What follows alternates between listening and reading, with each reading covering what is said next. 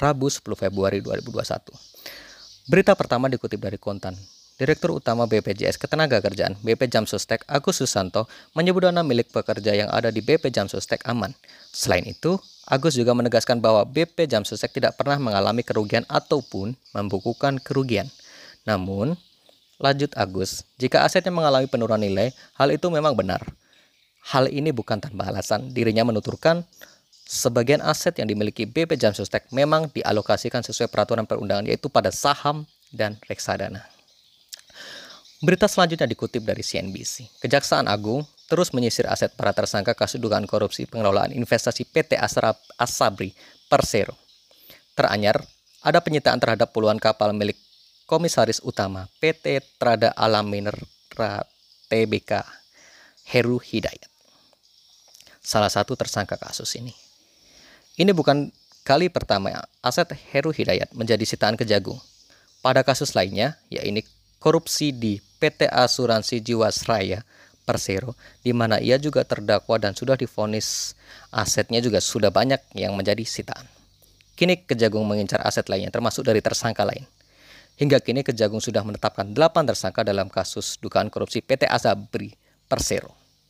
Adapun kedelapan tersangka itu adalah satu ex direktur utama Asabri Adam R. Damiri, dua ex direktur utama Asabri Sony Wijaya, tiga mantan direktur keuangan PT Asabri dengan inisial BE, empat direktur Asabri AS, lima kadif investasi Asabri US, enam direktur utama PT Prima Jaringan LP, Lukman Purnomo Sidi juga dirut PT Eureka Prima Jakarta Tbk, tujuh pemilik PT Hanson International Tbk, Beni Cokro Saputro, dan kedelapan komisaris utama PT Trada Alam Minerka Minera Tbk, Heru Hidayat.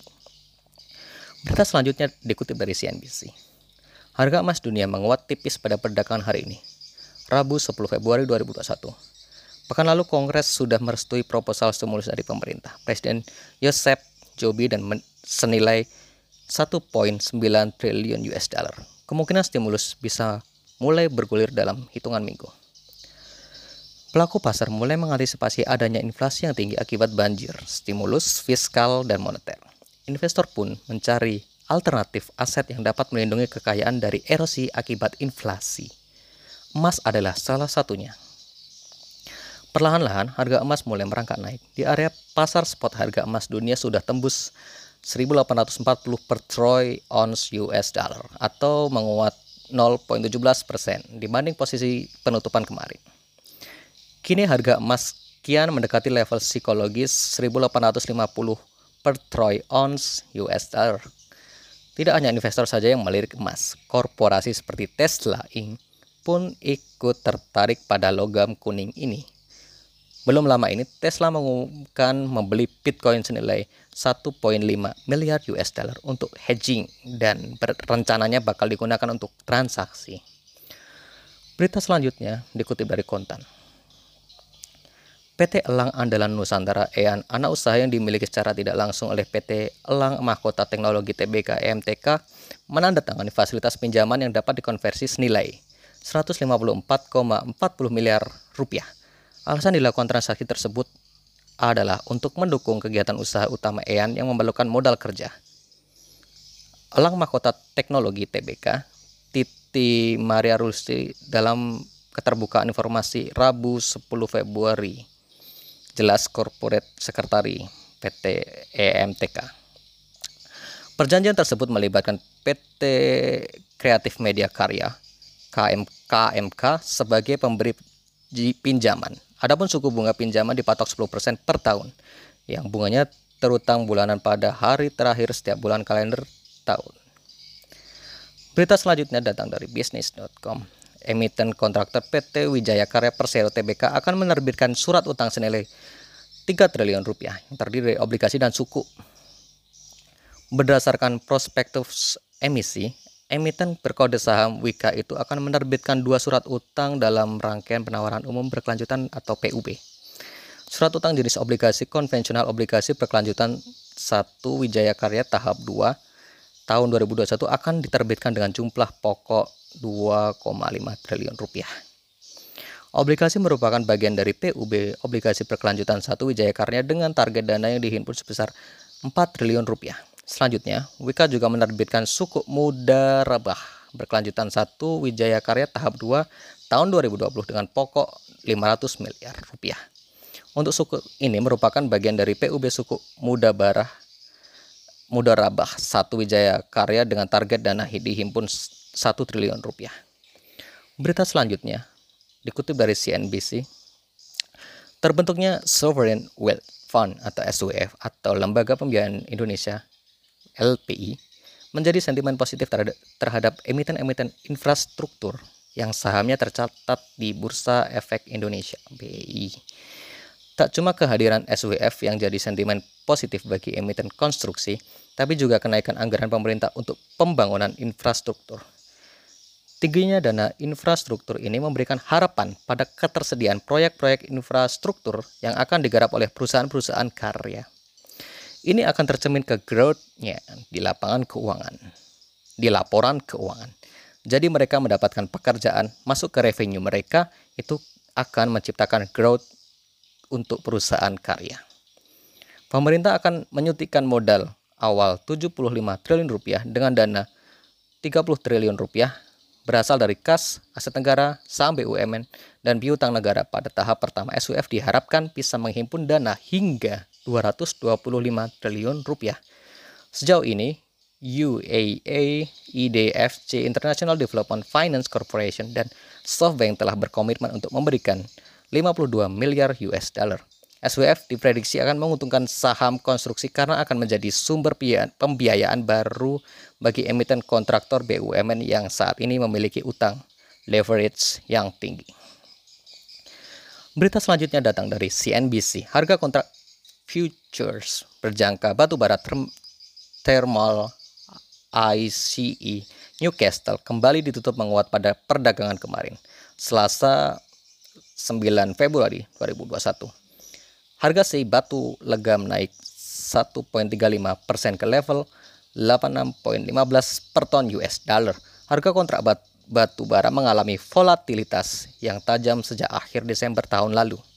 Sejak awal tahun, harga kontrak batu bara bergerak di level terendah 75 per ton US dollar dan tertinggi 91 per ton US dollar. Kenaikan harga batu bara global juga turut mengerek naik harga batu bara acuan HBA di dalam negeri. Untuk bulan Februari, harga batu bara acuan RI mengalami kenaikan yang tajam ke posisi 87.79 eh, per ton US dollar atau naik 15.75 persen dari posisi bulan Januari lalu di 75.84 ton US dollar. Berita selanjutnya dikutip dari CNBC. Harga minyak mentah dunia berangsur naik, bahkan telah melewati 60 US dollar per barel. Pada, pada perdagangan Rabu 10 Februari 2021 pukul 10.25 WIB. Harga kontrak Brent mencapai 60.96 US dollar per barel. Sementara harga kontrak West Texas Intermediate atau WTI pada 58.17 US dollar per barel. Namun demikian, lanjutnya perusahaan migas harus tetap berhati-hati terutama dalam mengendalikan biaya operasi dan belanja modal, capital expenditure atau CAPEX. Pasalnya, permintaan minyak masih akan sangat bergantung pada kondisi COVID-19. Selanjutnya dikutip dari bisnis.com. Penjualan rokok PT HM Sampurna Tbk HMSP yang telah merosot pada 2019 semakin menurun pada 2020. Penurunan penjualan HMSP pada tahun lalu turut menggerus pundi-pundi Philip Morris International Inc. Pendapatan perusahaan rokok terbesar di dunia itu tercatat turun 3.7 persen menjadi 28,69 miliar US dollar atau sekitar 401,6 triliun rupiah estimasi kurs 14.000 per dolar AS pada 2020. Dalam laporan keuangan per 31 Desember 2020, Philip Morris International melaporkan total volume pengapalan produk sigaret perseroan secara global turun 10.9% secara tahunan dari 700.7 miliar batang pada 2019 menjadi 628.5 miliar batang pada 2020. Penjualan itu didominasi oleh rokok merek Marlboro sebanyak 233.165 miliar batang. Adapun volume pengapalan Sampurna A turun 6.5 persen year on year menjadi 32.86 miliar dan G Samsu 24.75 miliar batang atau merosot 23.7 persen year on year. Berita terakhir dikutip dari CNBC. Minat investor terhadap investor terhadap investasi Indonesia meningkat dibandingkan periode Januari 2021. Hal ini tampak dari penurunan kredit default swap atau CDS Indonesia. Yang artinya resiko investasi di Indonesia turun dan berada di level rendah. CDS Indonesia untuk tenor 5 tahun berdasarkan data dari worldgovernmentbonds.com per Selasa 9 Februari 2021 di level 67.22. Angka ini masih lebih baik dibandingkan dengan periode Januari 2021 lalu yang berada di kisaran level 70. Biasanya, ketika CDS turun maka harga SBN akan naik, namun hal ini tidak terjadi demikian. Harga SBN acuan bertenor 5 tahun pada perdagangan Selasa kemarin malah mengalami pelemahan sehingga imbal hasil yield SBN tersebut naik 1.9 basis point atau PPS menjadi 5.32 persen per Selasa 9 Februari 2021. Pergerakan harga dan yield obligasi saling bertolak belakang, sehingga ketika harga turun, maka akan mendorong yield naik. Begitupun sebaliknya, besaran 100 BPS setara dengan 1 persen. Yield menjadi acuan keuntungan investor di pasar surat utang dibanding karena mencerminkan kupon, tenor, dan risiko dalam satu angka. Kenaikan yield Sun ini bersamaan dengan posisi CDS Indonesia yang turun dan menyentuh level terendahnya karena investor semakin optimis perekonomian dunia akan pulih. Walaupun tidak sepenuhnya pulih seperti era pra-pandemi virus corona COVID-19. Resiko investasi Indonesia yang mulai rendah mencerminkan bahwa investor sudah mulai beralih ke aset beresiko seperti saham dan mulai meninggalkan aset safe haven seperti obligasi.